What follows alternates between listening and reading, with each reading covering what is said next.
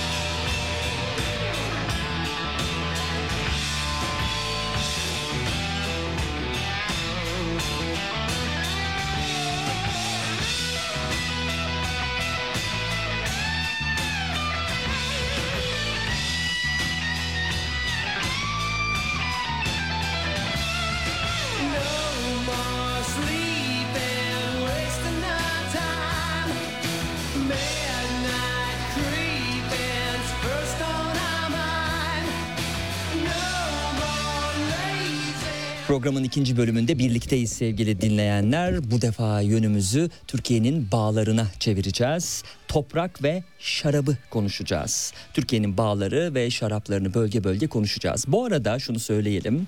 Radyo Televizyon Üst Kurulu kuralları gereğince ve kanun hükümleri gereğince e, alkollü ürünleri teşvik edecek bir e, yayın yapmamız mümkün değil. Bizim de zaten amacımız bu değil. Ee, Türkiye'de alkollü içeceklerin tüketimini ve satışını teşvik edebilecek reklam tanıtım ve diğer faaliyetlerin yapılması her türlü medyada yasak. Anılan yasak kapsamında da alkollü içecek firmalarının markalarını kullanabilecekleri çok sınırlı bir alan mevcut. Biz o sınırlı alanı da kullanmıyoruz, kullanamayız. Evet. Bu programı bir belgesel gibi düşünmenizi sizden rica ediyorum. Ee, biz aslında şarabı bir ürün olarak, Türkiye'nin kazanç getirdiği bir ürün olarak ele alacağız ve aslında entelijansi düzeyinde e, kavramları da konuşacağız. Mesela terroir ne demek? Değil mi? Ee, mesela e, kadehin belli bir kısmına kadar konuyor. Bu ne anlama gelir? Bunun sınırı nedir? Teknik bir şeyler öğrenmeye çalışıyoruz. Dolayısıyla amacımız bizim bu yayın boyunca baştan söyleyeyim.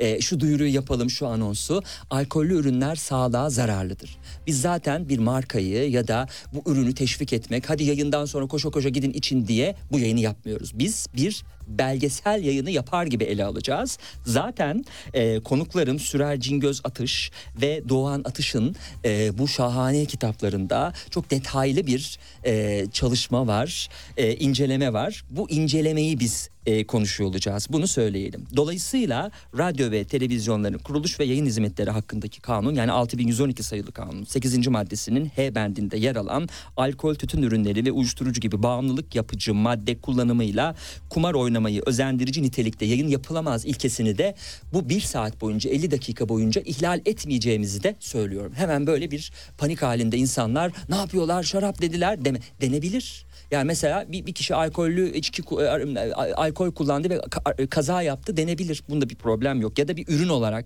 e, bölge olarak ele alınabilir. Toprak ve şarap Türkiye'nin bağları ve şarapları Türkiye'deki ilk kez 85 farklı yerli üreticinin bağlarına ve şaraphanelerine yönelik gezi notlarıyla şarap tadım notlarını bir araya getirdi. E, hayatlarını buna adamış olan iki şarap meraklısı Süray Cingöz Atış hoş geldiniz. Merhabalar, hoş bulduk. Ee, hoş bulduk. Ve değerli eşi Doğan Atış'ı da e, sesinde duymuş olduk aynı şekilde. Yıllardır bu toprakların Türkiye'deki bağlarını ve şaraphanelerini tek tek gezerek bunları tadıyorlar. Çünkü e, bölgesini, toprağını, terörünü yansıtan bir ürün bulmanın zor olduğunun da bilincindeler. Ee, şarabı yalnızca bir yemek eşlikçisi olarak görmenin ötesinde onu yaratan üzümü ve o üzümü yetiştiren toprağı da tanımak gerektiğini işaret ediyorlar. Kopya çektim. Mundi kitaptan, e, tanıtımdan, basın bülteninden ve kitabın arkasındaki kısımdan yer yer cümleleri kendi fiillerimle e, sonlandırarak e, bu şekilde kopya çekmiş oldum. E, Mundi'den çıktı. Çok e, kapsayıcı bir eser. E, kitabı kendinize bağ gezisi rotaları oluşturmak için de okuyabileceğiniz yine bu kitapta yer alıyor. E, ve e, markalarda e, var. Biz bu markaları konuşmayacağız. Çünkü bu program bir reklam programı değil ve aynı zamanda yasak olduğu için de bunu konuşmayacağız. Ama genel olarak kavramsal düzeyde bunu ele alıp Türkiye'nin de kazanç elde ettiği bir ürün olarak ele alıp aksi takdirde bağların mühürlenmesi gerekiyordu. Yani böyle bir şey varsa bu olamadığına göre dolayısıyla biz de Türkiye'nin bu zenginliğini aslında üzüm bağlarıyla beraber konuşacağız. Bir baştan günah çıkardım gibi hissediyorum kendimi. Ne dersiniz? Bence evet çok başarılıydı. Peki tekrar hoş geldiniz. Hoş bulduk. Ee, konuklarımdan şöyle bir e, hem e, kitaba da bakarak sevgili dinleyenler e, harika bir çift ve ne kadar güzel de bir şey yaratmışlar. Şu an önümde e, duran eserden bahsediyorum. 1985 yılında Nisan ayında Ankara'da doğdu ilk konuğum e, Süre Atış sevgili dinleyenler. Hacettepe Üniversitesi Fransızca öğretmenliği bölümünü bitirdi. O yüzden de e, bu Fransızca kavramlara çok hakim. Yani mesela okuduğum zaman ben de kitabı terör e, değil mi toprakla olan ilişkisini konuşacağız biraz sonra nereden geldiğini.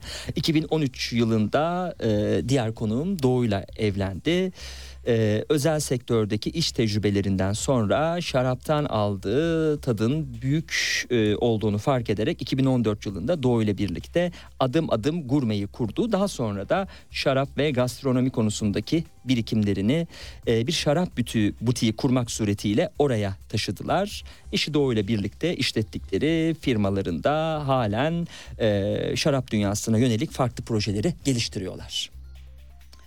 Doğan Atış'a hoş geldiniz tekrar demiş olayım Süray Cingöz Atış'a. Doğan Atış'a baktığımız zamansa o da 1986 yılında Ankara'da doğdu. O da Hacettepe Üniversitesi'nde bu defa iktisat bölümünde okudu. Aynı döneme mi denk geliyor? Üniversite arkadaşı mısınız? Evet evet hatta fantezi bilim kurulu topluluğunda tanışmıştık. Hani öyle güzel bir hikayemiz Aa, de var. Ondan biraz bahsedin. Nasıl bir e, e, bu Hacettepe Üniversitesi'nde e, fantazi okur yazarlığı mı? Bilim kurgu mu nasıldı? Evet bilim kurgu ve fantezi topluluğu vardı. Hı-hı. İşte ben o gruba üye oldum. Doğu oradaydı. Orada böyle çok iyi bir arkadaşlığımız başladı. bayağı aslında 2004 yılından beri birbirimizi Evet. tanıyoruz. Hmm. Ama ilişkinin hani evrilmesi falan biraz daha zaman aldı. Evet şahane. Ee, bu defa Levent Levon Bağış'ın e, bir e, tanıtımından bir cümle yer, yer vereyim. E, Mundi kitaptan çıkan Türkiye'nin bağları ve şaraplarını anlatan bu kitabın e, şarap üreticilerinin bir listesini ve sahip oldukları tüm imkanları ortaya koyarken okuyucuya da oralara gidip ziyaret etme fikrini verdiğini anlıyoruz. Ve üreticiyi ürünün arkasındaki yatan niyeti görme isteğini de aşılıyor. Bunu yaparken de üreticiyi e, yargılayıp geçmek yerine neyin nasıl olduğunu anlamaya ve anlatmaya çalıştığını vurgulamış Levon Bağış e, yapmış oldu, yazmış olduğu ön sözde. Biz kimiz kısmına baktığımız zaman tekrar döndüğümüzde e, ikimiz de aynı sorundan müzdariptik.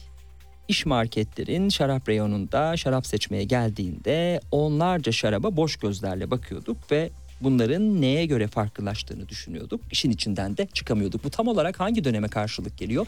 İlk ziyaret bile yapmadan değil mi? 80 küsür ziyaretten bahsediyoruz. İlk ziyaret bile yapmadan önceye. Yani bu kitabın aslında fikrinin oluşması dönemine geçiyoruz. Evet aslında kitap yani kitabın oluşması fikri en başta hiç aklımızda yoktu. 2014 yılında biz bir şarap kursuna gittik. Ee, orada böyle şarabı gerçekten sevdiğimizi fark ettik ee, şey olarak. Hani bir kur gittik daha sonra ikinci kura gitmek için çok heyecanlandık yeniden devam ettik. Ve o ikinci kurdan sonra da artık dedik ki yani yakın civarda olan nereleri gezebiliriz ne yapabiliriz. Ee, böyle rotalar oluşturduk kendimize ve genelde hep İstanbul'u hani kendimize baz alarak İstanbul'dan çıkıp mesela Trakya'ya gidiyorduk hani bir günde 3 bağ rota 3 bağ gezip geri dönüyorduk İstanbul'a ya da işte Urla'ya gidip Urla civarda çeşitli bağlar geziyorduk. Ee, ve bunları bir müddet sonra hani gezmeler böyle arttıkça ve biz iyice şarap bizi çağırınca e, dedik ki bunları yazalım ve bunları insanlarla paylaşalım. O nedenle bir web sitesi kurduk. Daha sonra bu web sitesinden bu gezilerin yazılarını yazmaya başladık ve aynı isimde yine bir Instagram sayfası oluşturduk. Buradan sürekli hem takipçilerimizle paylaştık deneyimlerimizi hem de e, kendimiz daha çok gezme alanı yarattık kendimize. E, ondan sonra da aslında seneler geçti. Yani 2014'te bunlar oldu. E, yaklaşık e, ne zamandı? E, iki ya da üç sene üç sene önce e, editörümüz Merin Sever e, o bize Melih Sever'i de bu arada konuk etmiştik biz Evet. programımıza. Onun da Mundi'de çıkardığı İstanbul'un lezzetleri, sokak lezzetleriyle Evet. ilgili konuşmuştuk. evet e, Selamlar iletmiş olalım Eyvallah. editörünüze de. Kesinlikle. Ee, on- ondan bir teklif geldi ve zaten hani e, bir aslında bir yazdığımız bir sürü şey vardı. Hani bunları bir derleyelim ve belirli bir düzene sokalım. İşte yeni üreticiler ekleyelim, onları yazalım dedik ve aslında bunun sonucunda kitap oluştu. Hı hı. Peki. Siz ne dersiniz? Var mı ekleyeceğiniz bir şey? Doğan. Yani şey diyebilirim belki bu kitapla ilgili bize en çok gelen soru hani ne kadar zamanda yazdınız Hmm. gibi bir soru oluyor. Hani buna çok basit bir matematiksel bir cevap verirsek iki yıl diyebiliriz yani Hmm. oturduk ve yazdık ama zaten mesela yazıların zaten yüzde kırkı ellisi e, elimizdeydi. Onları aldık gözden geçirdik ama mesela bu yazıların yazılma süreci 10 yıla yaygın diyebiliriz. Çünkü biz e, 2000 süreyin dedik 2004'ten beri durmaksızın gezdik, yazdık, güncelledik. E, her şeyin içinde olduk. Şarapla çok içli dışlı olduk. Hani o yüzden aslında iki yıl yazılma süreci desek bile bu verilerin toplanması, gezilmesi vesaire yani on, ondan fazla bir yıl e, harcadık diyebilirim. Evet. Bu e, bölgelere ayırdınız ve Türkiye'deki notlar var burada ama Frans bir ayağınızda Fransa'da olduğunu da anlıyoruz değil mi? Bu yapmış olduğunuz çalışmalar bağlamında onlar yok. Ee, onlar yok yani hani onlar biraz daha bizim hani kendi şeyimizle böyle işte hani Fransa'da bazı bölgelere gittik, İspanya'da gittik, en son Tiflis'e gittik. Hani onlar biraz daha kendi turistik gezilerimiz. Hani onlara bu kitapta yer vermedik. Bu kitap özellikle yani Türkiye özelinde yazılmış bir kitap. Peki bütün e, bu üretim merkezlerini gezdiğinizi anlıyorum. Üretim mer- doğru mu ifade mi? Yani satış merkezi mi demek Yani lazım? Üretim şaraphane diyoruz biz yani şaraphane ve onun yanındaki bağlar o teruar bile diyebiliriz yani çok aslında çok hepsini gezmedik ama yüzde seksenine yakını yerinde gördük. Hala bizim de birkaç gitmek istediğimiz yer var hatta. Evet. Nasıl karşılanıyorsunuz? Başta gittiğinizde e, siz sizi bir tüketici olarak ya da bir e, bir müşteri olarak değil de e, bu kitabı yazacak bir kişi olarak değil mi? Bir projeden bahsettiğiniz zaman yok değil. Yok o zamanlar bilmiyorlardı. O zaman biz bile bilmiyorduk yani bunun kitaba dönüşeceğini. Hiçbir fikrimiz yoktu. Hani tabii ki herkes ister böyle bir hani yazılı bir kitabı olsun. Ee, ama ilk biz bu seyahatlere başladığımızda hiç aklımızda öyle bir fikir yoktu. Ama söylediğimiz gibi bu Instagram hesabımız e, bize bir sürü yol açtı diyebilirim. Hani onun sayesinde bir popülerliğimiz vardı zaten ve hani herhangi bir bağa gittiğimizde hani çok daha farklı karşılanıyorduk. Daha iyi karşılanıyorduk. Ee, kitapta bir ön söz var. Hani e, bağlara giderken nelere dikkat etmeliyiz gibilerinden böyle bir şey yazdık. Hani e, biz aslında o popülerliğimizi şey olarak böyle e, bir avantaj olarak kullandık ziyaret ederken. E, özellikle de hani bundan sonra bağları şaraphaneleri ziyaret, ziyaret edecek olan kişilere diyoruz ki hani talepkar olun. E, Tam olarak seyahat hani gezinin nasıl geçeceğini e, tadım yapılıp yapılmayacağını ve işte bağ ziyaretinin neleri kapsadığını e, mutlaka öğrenin. E, bizim bir köpeğimiz var aynı zamanda evcil hayvanımız. E, biz ona da e, özellikle yer verdik. Evcil hayvanla gidip gidilemediğine de Notlara özellikle bakalım mı o zaman başlık vurguladık. başlık orada birkaçını en, en azından. Hangi şaraphaneye gitmeyi planlıyorsanız mutlaka önceden arayıp açık olduğu gün ve zamanlar konusunda bilgi alın. Rezervasyon yaptırılması gerekir. Kesin. Kalabalık bir grupsanız kişi sayısı da belirtilmeli. Ee, burada bir algı da olabilir belki insanlarda. Gideceğiz, bedava tadacağız, satın alırsak ödeyeceğiz diye. Halbuki bu böyle bir durum yok. Yok. Nasıl oluyor bu? Bu kısımla ilgili bilgi verirseniz. Şöyle Türkiye'de tadım ve ziyaret her ikisi de e, ücretli. Hmm. Ziyaret de ücretli, tadım olmasa bile. Evet. Hı hı. Evet. Bu ziyaretin kapsamı içinde ne var? Bağdan bağa değişiyor bunlar. Belki Evet. sen detaylandırabilirsin. Evet evet bağdan bağa değişiyor. Sonuçta hani bağın ne kadarını gezip gösterecekleri işte ondan sonra hangi şarapları tadıma atacakları vesaire tamamen o üreticinin inisiyatifinde. Hani o yüzden zaten diyoruz bu bir e, ortak bir şey olmadığı için siz arayın öğrenin detaylıca sorun diyoruz. Çünkü çok değişebiliyor gerçekten e, bağdan bağa. Çünkü mesela bazı üreticinin diyelim bağ alanları hemen şaraphanesinin yanında. Gittiğinizde bağları da gezebilirsiniz ama bazı üreticinin daha uzakta ileride olabilir. Sadece üretim kısmını gezebilirsiniz gibi gibi değişiyor. Evet. Eğer yabancı misafirlerinizi götürecekseniz eh, tadım ve mahzen turunun İngilizce yapılıp yapılmadığını da sormanızı öneririz. İyi bir haber olarak e, görüşmelerimiz sonucunda üreticilerin hemen hepsinin bu hizmeti sunduğunu öğrendik. Hatta bu hizmeti başka dillerde de sunduklarını yazmışsınız kitabınızda.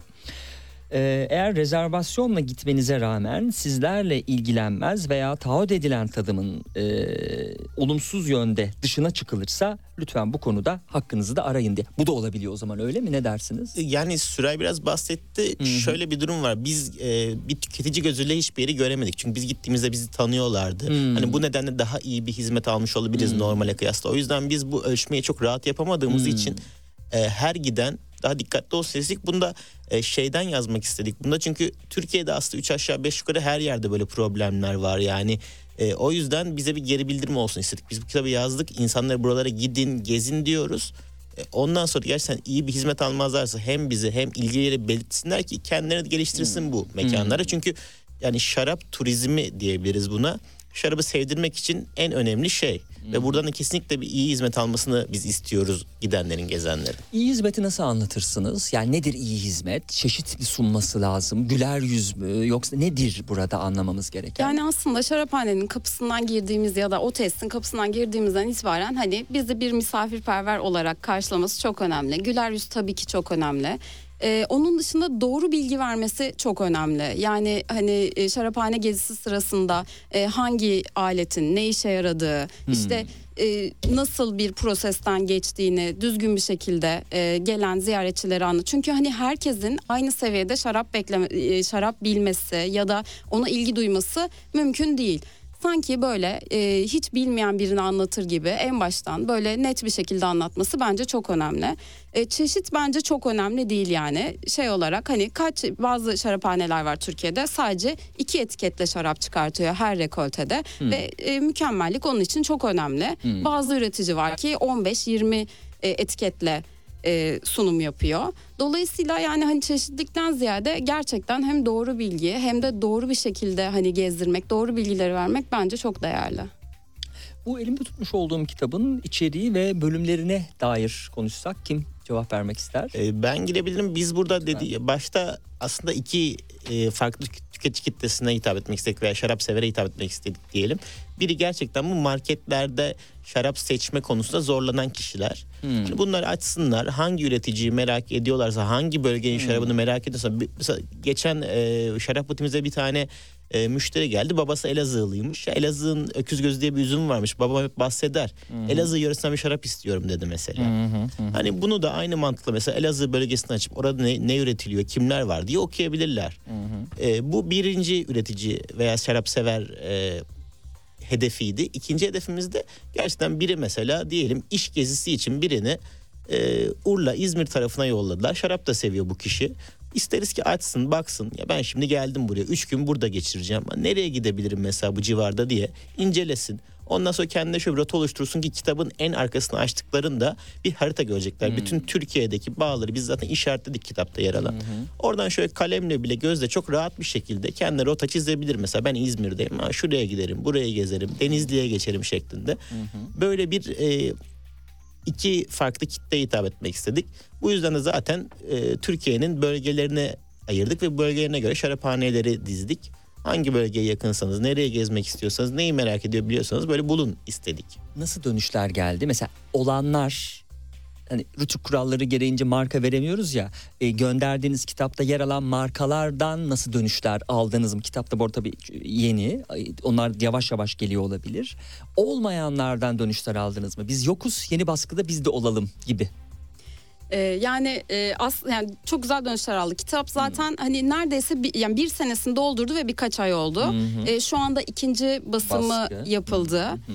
E, genel olarak hani biz zaten bu hani yazı yazıları yazdığımızda üreticilerle hep iletişim halindeydik. Ve aslında yazının son halinde bütün üreticilere gönderdik. Herhangi bir yanlış bilgi olmasın, yanlış bir anlaşılma olmasın diye hepsinden birer birer onay aldık. Ve o şekilde e, ilerledi kitap yazım süreci.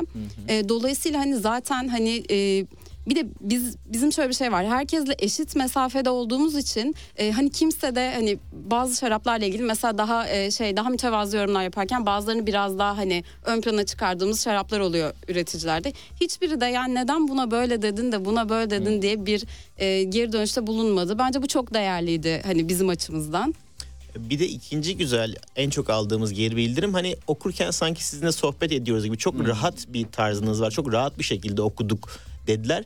Bizim zaten aslında bütün amacımız bu. Çünkü bu şarap falan deyince bazen böyle seçkinleştirici bir havayla bakılıyor. Yani işte insana şarap deyince böyle bir duruyorlar ya o zor bir şey falan hmm. gibi e, düşünüyorlar ama halbuki hiç öyle değil bize göre. Sonuçta bu bir içtiğiniz bir içecek. Ondan keyif alıyorsanız ne mutlu. Daha çok keyif almak için araştırıyor geziyorsanız ne mutlu. Biz de bunu en basit şekilde, en herkese hitap edecek şekilde yazmaya çalıştık ve gelen geri bildirimlerden bunu başardığımızı düşünüyoruz. Evet.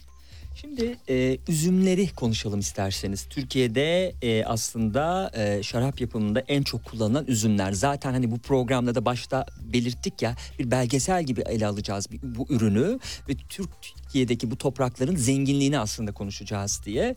Bu anlamda bakıldığında en çok kullanılan üzümler var. Çok da üzüm çeşidi varmış kitaba baktığın zaman gördüm. Ee, evet yani yerel bir sürü üzümümüz hmm. var aslında ve bunların sadece bir kısmıyla şu anda şarap yapılıyor. Hmm.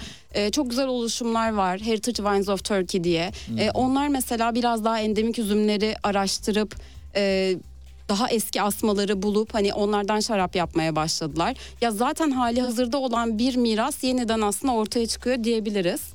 Mesela Türkiye için şöyle derler. Şimdi eskiden beri şarap üreten ülkelere eski dünya ülkeleri diyorlar. Hmm. Bu sektöre sonradan girmiş işte Avustralya, Amerika gibi ülkelere de yeni dünya ülkeleri diyorlar. Türkiye için şöyle güzel bir tanım var aslında. Yeni dünyanın eski dünya üreticisi. Aslında şarabın çıktığı coğrafyalardan hmm. biri bu Türkiye kesinlikle. Hmm. Çok fazla yerel üzümümüz var. İklimimiz çok uygun bu iş için. Hmm. Ama işte çeşitli nedenlerle bu kopukluklar olmuş. Günümüzde tekrardan bu ayağa kalkmaya, gelişmeye çalışıyor. İşte şarap ve tarım ve bağcılık diyebiliriz. Hı hı. Mesela bu üzümlere baktığımız zaman e, marka olan şeyi söylemiyorum ama e, markayla da özdeşleşen isimler var ama mesela Emir e, üzüm çeşidi olarak e, kullanılıyorsa e, tadında nasıl bir değişiklik oluyor? Yahut e, mesela patkara değil mi? Pat bir üzüm çeşidi olarak ne fark ediyor? Yani biz bunları bakıldığı zaman Aa, bunun tadı böyledir diyebileceğimiz bir e, farkındalığa ulaşabilecek miyiz? Ulaşabilir miyiz ya da? Ee, aslında hani üzümleri e, burada çok detaylı bilgiler vermedik üzümlerle ilgili. Hani o başka bir kitabın konusu diyelim. Ee, mesela emir üzümü beyaz şaraplık bir üzüm Ee, ve onun belirli karakteristik özellikleri var aslında. Patkara da yine kırmızı şaraplık bir üzüm. Onun da karakteristik özellikleri var ve belirli yörelerde yetişiyor. Ama gene de siz yani tabii ki o emirin bir teorik olarak açıp da okursanız neyle karşılaşacağınızı 3 aşağı 5 Beş yukarı yukarı. bilirsiniz. Yani bunda çok büyük farklar yok. Ama mesela burada teruar kısmına bağlayabiliriz. Mesela size öküz gözü örneğini vereyim ben. Şimdi öküz gözü Elazığ'ın yerel üzümü. Ama Denizli'de de var. Trakya'da da var.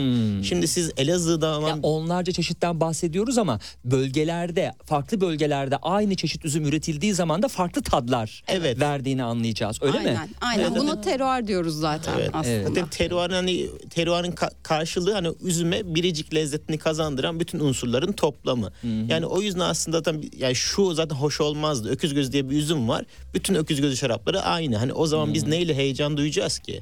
İşte şu an Elazığ'dan gelen farklı tat veriyor. Deniz'den gelen farklı tat veriyor. Tabii üzümün geldiği yer bir de üzüm nasıl işleniyor. Bu da çok önemli. Hani fıçıya giriyor mu, girmiyor mu gibi pek çok farklı yön var. Ama siz dediğim gibi öküz gözünün bir teorik kısmını okursanız 3 aşağı 5 yukarı ne ile karşılaşacağınızı anlarsınız. Evet. Ama tabii gittiğiniz yerde orada işte bir şarap garsonu varsa veya bir şarap butuna giderse daha detaylı sohbet ederseniz de oradaki nüansları da anlarsınız. Mesela burada e, çok önemli tabii nasıl okunacak kısmı değil mi? Böyle güzel bir restorana gidilmiş kendimize zor bir durumda e, karşı karşıya bırakmamak için. E, buradan birkaç örnek e, alırsak mesela ne- neler söyleriz? Yani Cabernet Sauvignon hani e, nasıl okunurla Evet, evet, ilgili. mi? evet, Ha, evet, evet. evet. Mesela işte Cabernet Sauvignon genelde yanlış okunulan üzümlerden biri. Hani Cabernet diye hani genelde Ha, bitiriyorlar. T okunmaması Aynen. gerekir diyorsun. Merlot varken Merlot diye- diyen kişiler oluyor. Hani öyle e, çok şey ya bence hiçbir önemi yok bu arada. Yani hani neyi nasıl söylediğinizin ama işte daha böyle şey bakıldığı için duruma e, kim herkes nasıl rahat hissederse aslında şey yapsın Peki yani. nasıl bir ritüeli e, olacak? Hani onu da konuşalım değil mi? Dinleyicilerimiz bilsinler. Mesela getirildiği zaman e, kim tadacak böyle bir e, ağzında dolaştıracak sonra evet diyecek. Biraz o ritüelden bahsedelim mesela. Ya normal literatüre göre şöyledir. Şarabı kim sipariş ettiyse ilk gelip ona tattırılır. Erkek Çünkü- ya da kadın değil. Yok sipariş aynen. eden. Çünkü sonuçta şöyle sipariş eden bu şarabı belli bir bilgiyle sipariş etti. Şarabı Hmm. o seçtiğine göre o tadıp buna karar versin denir. Hani kadın ve erkeğe tattırmak aynen o konuda öyle bir şey yok. Hmm. Sonra şarap gelir. E, siz tadarsınız. Hani bu tadımı şeyden yaptırırlar. Bazen karıştırabiliyor. Bu şarap bozuk mu yoksa düzgün mü? Sadece bunu anlayın diye Hmm. Öyle bir ihtimal de var. Çünkü ekşi bir şey olduğu için çoğunlukla bozuk olduğu nasıl anlaşılabilir? Aslında bozuk olduğunu yani şarap gerçekten bozulsa rahatça anlarsınız. Hmm. Yani böyle meyve kokuları falan gelmez. Böyle silkemsi kokular Hmm. gelir.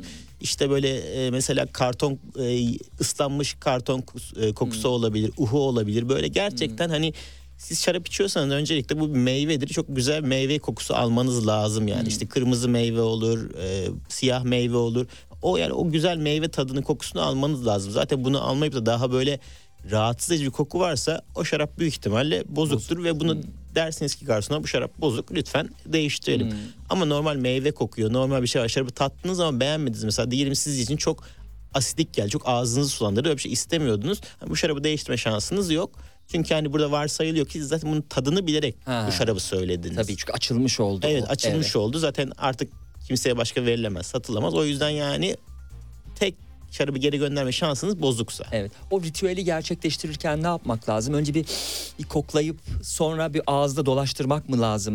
N- nasıl bir o ritüel nasıl gerçekleşir? Yani şöyle işin aslında hani eğer biraz e, şa- yani şaraptan biraz biliyorsanız e, sadece kokusundan anlayabilirsiniz. Hmm. Yani kadehte şöyle bir çalkalayıp kokusuna baktıktan sonra o şarabın bozuk olup olmadığını söyleyebilirsiniz. Hmm. Daha ufak böyle bozukluklar hani tam böyle e, hani bozuk mu bozuk değil mi diye böyle bazen anlaşılmayacak şeyler. Onlar damakta kendini biraz daha iyi hissettiriyor. Hmm. Onun için de damağınızda bir yudum alıp e, ağzınızda gezdirdikten sonra dışarıdan e, dişlerinizin arasından içeri bir e, nefes alacaksınız. Hmm, dişlerden içeri doğru. Evet Hmm. yani tam bir iç çekme gibi. gibi. Ha, evet. evet. öyle bir sesle. Ee, daha sonra da şarabı yutacaksınız ve ona göre karar vereceksiniz şarabın bozuk ya da bozuk Hmm. olmadığınıza ya da Hmm. sizin sipariş ettiğiniz şarap olup olmadığına. Evet. Bu arada ısısı da çok önemli. Hmm. Ee, yani çok fazla e, hata olabiliyor restoranlarda. İyi restoranlarda bile doğru ısıda şarap servis edilmiyor. Ee, bunun için de hani ben genelde işte e, görevli garson e, şarabı getirdiği zaman mutlaka bir şişeye elimin tersiyle dokunuyorum ki Hmm. işte beyazsa istediğim soğuklukta mı, kırmızıysa e, benim istediğim soğuklukta mı yine diye. Çünkü e, şarabın soğukluğu aslında birçok aromasını kapatıyor Hmm. ve şaraptan iyi bir şekilde e, keyif almanızı engelleyen bir unsur. E, kırmızı şarapta özellikle böyle buz gibi servis edilen kırmızı şaraplar aslında böyle e, tamamen üstü bütün aromaların e, kapatılmış bir şekilde oluyor. Dolayısıyla bence ısı çok dikkat Evet, yani edilmeli. Isıda burada ne anlamak lazım? Yani derece olarak ne anlamak lazım e, elimizi sürdüğümüz zaman? Yani şöyle e, kırmızı şarap için diyelim aslında 16-18 derece öne- önerebiliriz ortalama bir e, kırmızı şarap için. Bunda dokunduğunuzda da şişe böyle hafifçe serin olmalı. Yani çok soğuk katiyen olmamalı. O serinlik olmalı. Da, damağınızda da o serinliği biraz hissetmelisiniz. Dolaptan çıkıp gelmeyecek tabii. Yok. Mahzenden olacağı için dolayısıyla 16-18 derece olması lazım. Bulunduğu mahzenin derecesiyle alakalı. Evet kesinlikle. Zaten hani aslında doğru yerlerde iki farklı şarap dolabı olur. Hmm. Ee, beyaz şaraplar işte 6-8 derece saklanır. Hmm. Kırmızı da 16-18'de işte kişi istediğinde ona göre getirilir, servis edilir vesaire. Yani gerçekten ısı çok önemli. Bazen atlanabiliyor yani bütün ritüellerden. Çünkü Hmm. siz bir şey doğru şarabı o şarabı doğru ısıda içmiyorsanız aslında hiç içmeyin daha iyi gerçekten. Hmm. Ee, çünkü hiçbir şeye benzemiyor. Baştaki ritüele dönecek olursak o halde tadını bakıp da bakmak değil orada aslında. Bir, bozuk mu değil mi? İki, istediğiniz mi değil mi? Değil mi? Üç, e, gerekli ısıda mı değil mi testi aslında o başta yapılan tamam koyabilirsiniz e, şey. Burada bozuk derken çok enteresan gerçekten o asitlik orana göre e, anlaşılmaya da bilir gerçekten. Bu bozuk gelme ihtimali acaba nedir? Yüksek bir ihtimal mi? Çok yüksek sayılmaz ama yani işte yüzde bir iki falandır Hmm, yani tam böyle biraz geliyor. afaki Anladım. konuşuyorum şey olarak hani ama çok normal bir şey çünkü hani şarap o şişe içerisinde yaşamaya devam ediyor ve mantarlar e, hava alabiliyorlar hani Hmm. şey olarak yani çok normal bir şey yani hiç şaşıracağımız bir durum yok aslında şarabın bozuk çıkmasında. Peki makbulü böyle bekleyen hani şu kadar yıl vesaire bağlamında ele aldığımız zaman çünkü dediğiniz gibi yaşıyor bir taraftan ama e, böyle bir yıl var mı? Yani ortalama şu kadar iyidir ya da şunun için şu kadar iyidir, bunun için de bu kadar iyidir gibi bir süre. Bunu genellemek çok zor kesinlikle. E, tamamen sizin nasıl tarz şarap sevdiğinizle, o an yediğiniz, içtiğinizle ve o anki ruh halinizle nasıl bir şey tüketmek istediğinize göre değişiyor. Yani siz mesela gövdeli yoğun şaraplar seviyorsanız o zaman çok yıllanmasını istemezsiniz şarabın. Çünkü yıllandı o şarap böyle yumuşar daha böyle zarif bir hale gelir. Hani bazısında ama güçlü kaslı şarap isterken bazı zarif şarap istiyor olabilir. Aynı şarabı biri gençken sever, diğeri yıllanmışken sever mesela diyebiliriz. Tamamen biraz kişinin kendini tanımasıyla alakalı o şarabın makbulü. O yüzden hani bize en çok gelen sorular bu tarz sorular aslında. Yani hani çünkü insan kısa yol istiyorlar. Hani bana bir şarap söyle. En iyi şarap nedir? Bunu söyle alayım gideyim diyorlar. Evet. Biraz gerçekten e, uğraşmak, antrenman yapmak gerekiyor kendinizi tanımak için şarapta. Diğer içkilerde belki bu söylenebilir ama değil mi? Şarapta çok zor, çok fazla. Bu kadar fazla seçeneği olan başka bir içki var mı? Bildiğim kadarıyla Değil mi? yok yani. Yok, kesinlikle. Evet. detayı yok. çok fazla. yani. Detayı fazla e, rekolte denilen bir şey var. Yani üzümün dalından koptuğu tarihe aslında rekolte diyoruz. E, her rekolte değişiyor. Çünkü her rek- e, her sene farklı iklim Hmm. koşulları oluyor, farklı yağış koşulları oluyor, farklı şekilde güneşi görüyor. Yani o kadar çok değişken var ki ve 2000 mesela 2019 rekoltesiyle 2020 rekoltesi arasında işte eğer 2019 daha sıcak olduysa şarap ayrı bir şekilde çıkıyor. Daha serin olduysa e, apayrı bir şarap e, tadıyoruz aslında. Evet. Gelelim Türkiye'nin coğrafi bölgelerine. Çünkü bu programı aslında yapma amacımız başta söylediğim gibi eee, bu zengin topraklardaki ürünü konuşmak. Mesela Marmara bölgesine bir bakacak olursak kitaptaki akışa uygun olarak konuklarım Süray Cingöz Atış ve Doğan Atış'la birlikteyiz sevgili dinleyenler şu an canlı yayında. Ee, diyor ki Ege ile birlikte Türkiye'nin en önemli iki şarap üretim bölge- bölgesinden biri olan Trakya hem nüfusun hem şarap severlerin ciddi bir kısmını barındıran bir metropol olan İstanbul'a yakın olması sebebiyle şaraphaneleri ve bağları gezip görmek isteyenler için pek çok seçenek sunuyor diyor.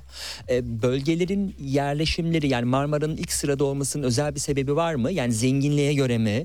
E, oradaki bağları neye göre bir sıralamayı yaptık ya da İstanbul'a yakınlığa göre mi? Ya biz aslında İstanbul'da yaşıyoruz ve hani İstanbul'u kendimize şey alıp rota alıp Aslında tamamen şekilde hani ilerledik yani. Türkiye'de hani harita önümüze koyduk. Soldan sağa doğru ilerledik. Bir anlam ifade etmiyor Evet. Marmara'nın olması. Evet. Marmara bölgesine baktığımız zaman neler söyleyebiliriz? İşte gerçekten Ege ile beraber çok önemli bir bölge. Yani Türkiye'deki hani o iki tane mihenk taşı varsa şarapta bu iki bölgedir. Hmm. İstanbul'a yakın olması çok önemli. Çünkü sonuçta gerçekten şarabı üretmek ayrı bir de ona şarap severlerle buluşturmak da ayrı bir konu. Yani şarap turizmi için çok zengin bölge. Çünkü İstanbul çok rahat gidip ulaşabiliyor. Ayrıca şarap için biraz böyle serinlik, iyi şarap biraz serinlik ister. Türkiye'nin çoğu sıcak olmasına rağmen Trakya böyle o yükseltisiyle, farklı toprak yapılarıyla e, çok fazla farklı sayıda şarap üretme imkanı veriyor. Yani çok güzel beyaz şarap da üretebiliyorsunuz, çok güzel kırmızı şarap da üretebiliyorsunuz. Bu çok büyük bir zenginlik. O yüzden herkesin bir şekilde kendi aradığı, merak ettiği farklı şarabı bulma ihtimali var. Yerel üzümler yönden zengin bir bölge. Hani gerçekten Trakya çok özel bir yer. E, gezilebilir diyorum. Trakya bağ rotası hakkında konuşalım o zaman sizinle de. Ee, yani e, şöyle e, Trakya bar rotasıyla ilgili tam yani e, her üretici Trakya bar rotasında yok. Onu ön- en başta onu söyleyebilirim hani şey olarak. Belirli üreticiler birbiriyle anlaşmış ve demişler ki hani e, birbirimize hani giderken işte e, şuradan şuraya gidilsin bir harita oluşturalım. E, işte yakınlarda neler var hani bir onun üzerine şey yapalım. İşte e, böyle bir komünite oluşturmuş. Çok aktif olduğunu düşünmüyorum. Yani hani sürekli böyle bir değişen yapısı da var bu arada şey olarak. E, seneler önce çıkardıkları gerçekten bir harita var şu anda hani elimizde. Ama onun dışında çok detay çok aktif olan bir rota değil şey olarak. Ama biraz daha bence Urla bölgesinin hani Ege'ye geçtiğimiz zaman. Aynen öyle. Urla Bağ rotası var. O çok şu anda çok etkin. Hani bir de tabii turistik bir yer olmasının da bence e, getirisi var. Çünkü İzmir'e çok yakın. Herkes yazın tatil için hep Ege kısmına gidiyor ve mutlaka gitmişken o rotadan birkaç şaraphaneyi ziyaret ediyor. Mesela başka ülkelerle karşıla mesela Güney Amerika Güney Afrika ile karşılaştıralım. Güney Amerika'yı bilmiyorum. Güney Afrika'da Cape Town'da da mesela bir şarap e, şeyi var, rotası var. E, bar rotası var diyelim daha doğrusu. Bunlarla ya da Fransa'yı belki çok iyi biliyorsunuz. Orayı da karşılaştırabilirsiniz. Bakıldığı zaman e, artılarımız, eksilerimiz neler dünyadaki diğer rotalarla? Türkiye'de bence toplu bir şey sorunu var. Yani aynı masaya oturup da bir şeyleri halletmek ya da bir tek bir e, fikirde o yani tek bir fikri e, savunmak bence biraz daha zor bizim ülkemizde. Dolayısıyla ayrışmalar çok fazla oluyor. Ayrılıklar çok fazla oluyor. Ben ondan çok e, ne bileyim çok rota kavramı benim için çok şey değil yani hani çok önem verdiğim bir şey değil benim kendi adıma Bir de konuşursam. buradaki rotada biraz hani e, rotayı gezmek isteye bırakılmış her şey. Yani sizin bir şahsi aracınız yoksa hani kolay bir şekilde gidip de o rotayı gezme ihtimaliniz yok. Ama benim bildiğim veya gördüğüm kadarıyla işte diğer yerlerde işte bu işi yapan acenteler var. Farklı yapılar var. En azından yani bağ rotası onu gezmek isteyen için işi daha fazla kolaylaştırıyor. Hani maalesef Türkiye'de de bu daha yok. O şarap turizmine yeterince bir yatırım yapıp geliştirme yapılmıyor. Bu da belki ama Süreyya'nın dediği konuyla da bağlantılı. Zaten önce üreticiler çok yakın bir şekilde birbirleriyle iletişim halinde olmalı ki daha farklı daha e, farklı projeler geliştirebilsinler. O tarz e, sorunlar görüyoruz biz. Yani biraz şahsi araca ve kişiye bağlı durumda orayı gezmek isteyenler için her şey. Şato şarapçılığı değil mi bir kavram olarak ele aldığımız zaman ne söylersiniz? Ee, üretim yeriyle yani e, üretim yeri ve şarabın bağlarının birbirine yakın olması diyebiliriz. Hani en e, kısa tabirle bu olacaktır. Evet, Yani gerçekten bir şato akla gelmesin. Öyle herhangi bir üretim yeri olabilir. Sadece bağ ve şaraphane birbirine yakın olacak. Hani bunda derler ki ve gerçektir. Üzüm ne kadar az taşınırsa o kadar lezzetli bir şekilde şaraba dönüşür.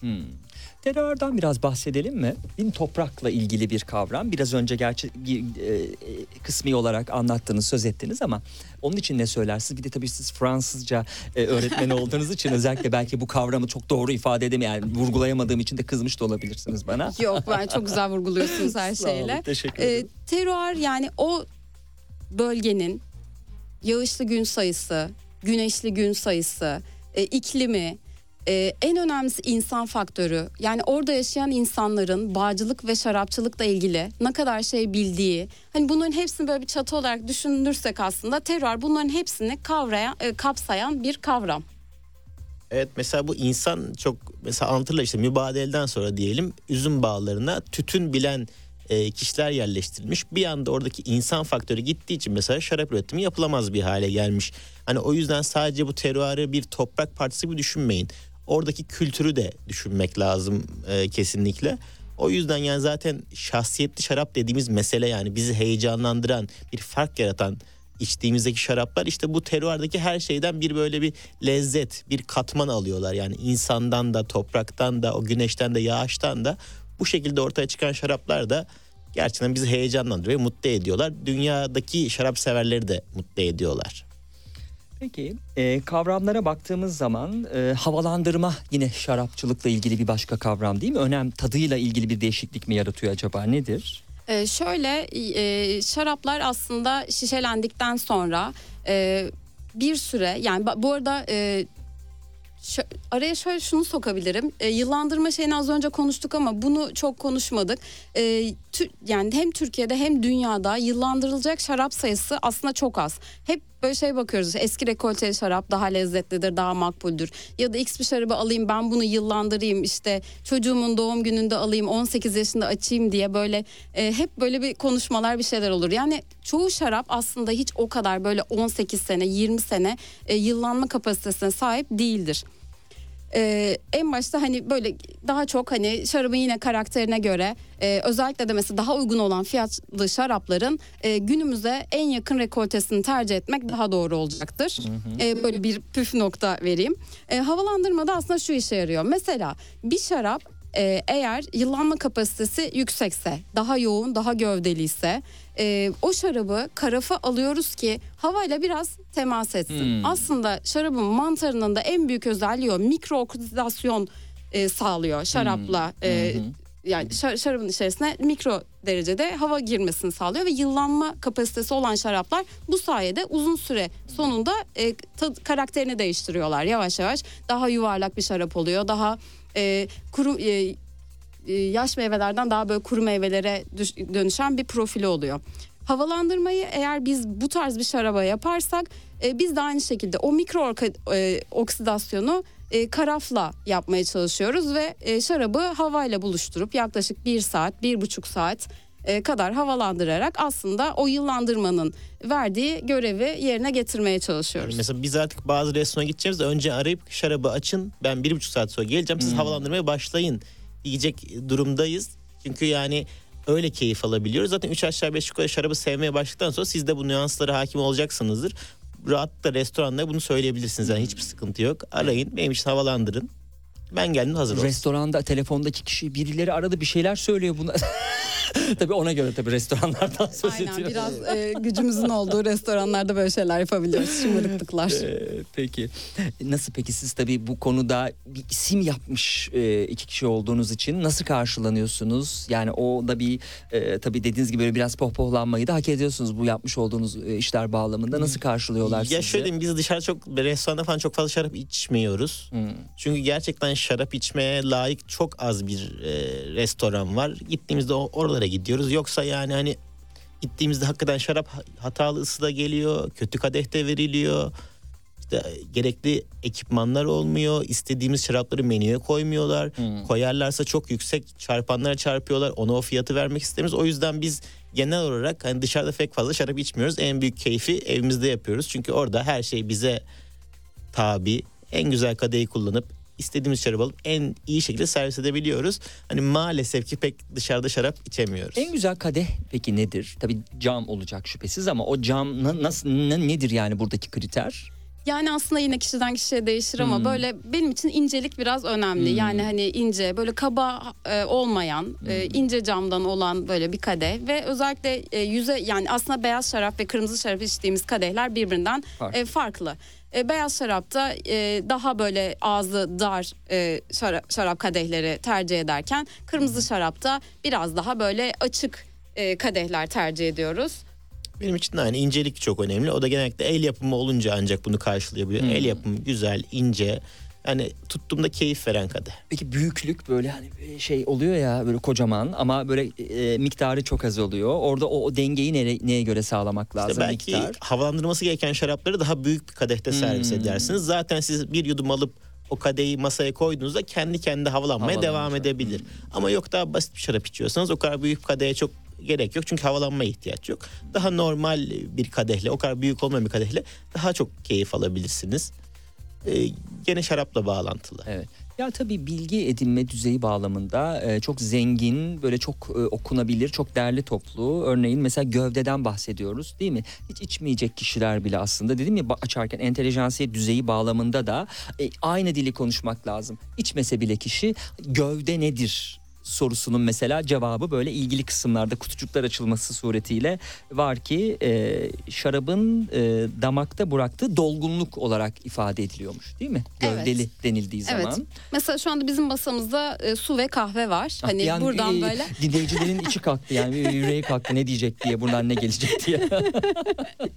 Mesela suyun e, dilimizin üzerindeki ağırlığıyla kahvenin dilimizin üzerindeki ağırlığı birbirinden farklı. Hmm. Kahve daha yoğun hissiyatla. Aslında işte şarapta da bu şekilde bir gövde ayrımı yapabiliriz. Her biri dilimizde farklı bir ağırlıkta. Hı hı. Rezerv kavramı var. Hani rezerv dünyanın bazı yerlerinde kanunlarla belirlenen bir kavram. Hani ancak bunu bunu yaparsanız rezerv yazabilirsiniz diyorlar. Türkiye'de öyle bir şey yok. Siz en basit şarabı da rezerv yazabiliyorsunuz. O yüzden mesela Türkiye'de şarap alırken hani rezervdi, şuydu, buydu gibi konulara çok bakmaya gerek yok. Ama mesela Fransa'da veya İspanya'da işte alırken bir Grand Cru yazıyorsa mesela Fransa'da zaten hükümet veya ilgili hükümet diyor ki yani hani ben bu şarabın şu şu şu şartlarda üretildiğini sana garanti ediyorum. Ben bunu kanuna yazdım. Üreticiler buna uyuyor. Ben de bunu denetliyorum diyor. O yüzden mesela zaten e, işte Fransa'nın, İspanya'nın bu eski dünya ülkelerinin olayı biraz da odur yani. Bir garanti vardır ama Türkiye gibi sonradan bu işi yapmaya başlamış ülkelerde maalesef ki bu yok. Siz ancak damağa size benzeyenleri takip edeceksiniz. Bol bol deneyip siz anlamaya çalışacaksınız hangi şarabın ne olduğunu. Tatlı şarap değil mi bir bakıldığı zaman bu- bunu böyle bir e, bir kategori olarak ele almak gerekir mi yoksa ayrı mı konumlandırmak gerekir? O kategori olarak e, ayırabiliriz tatlı şarabı. Biz çok severiz tatlı şarap ama böyle çoğu hani şarap sever böyle bir e, elin tersiyle itmiştir yani Hmm. tatlı şarabı. Nedense bilmiyorum ama Neden? e, biz Neden? E, Yani Levon Bağış'tan bir söz söyleyeyim Hmm. burada. Mesela o et, yaptığı şarap tadına sorarmış da tatlı şarap şimdi servis edeceğim. Sevenler parmak kaldırsın. Sevmeyenler. Sevenlere soruyor niye seviyorsunuz? Tatlı diye. Sevmeyenler tatlı diye.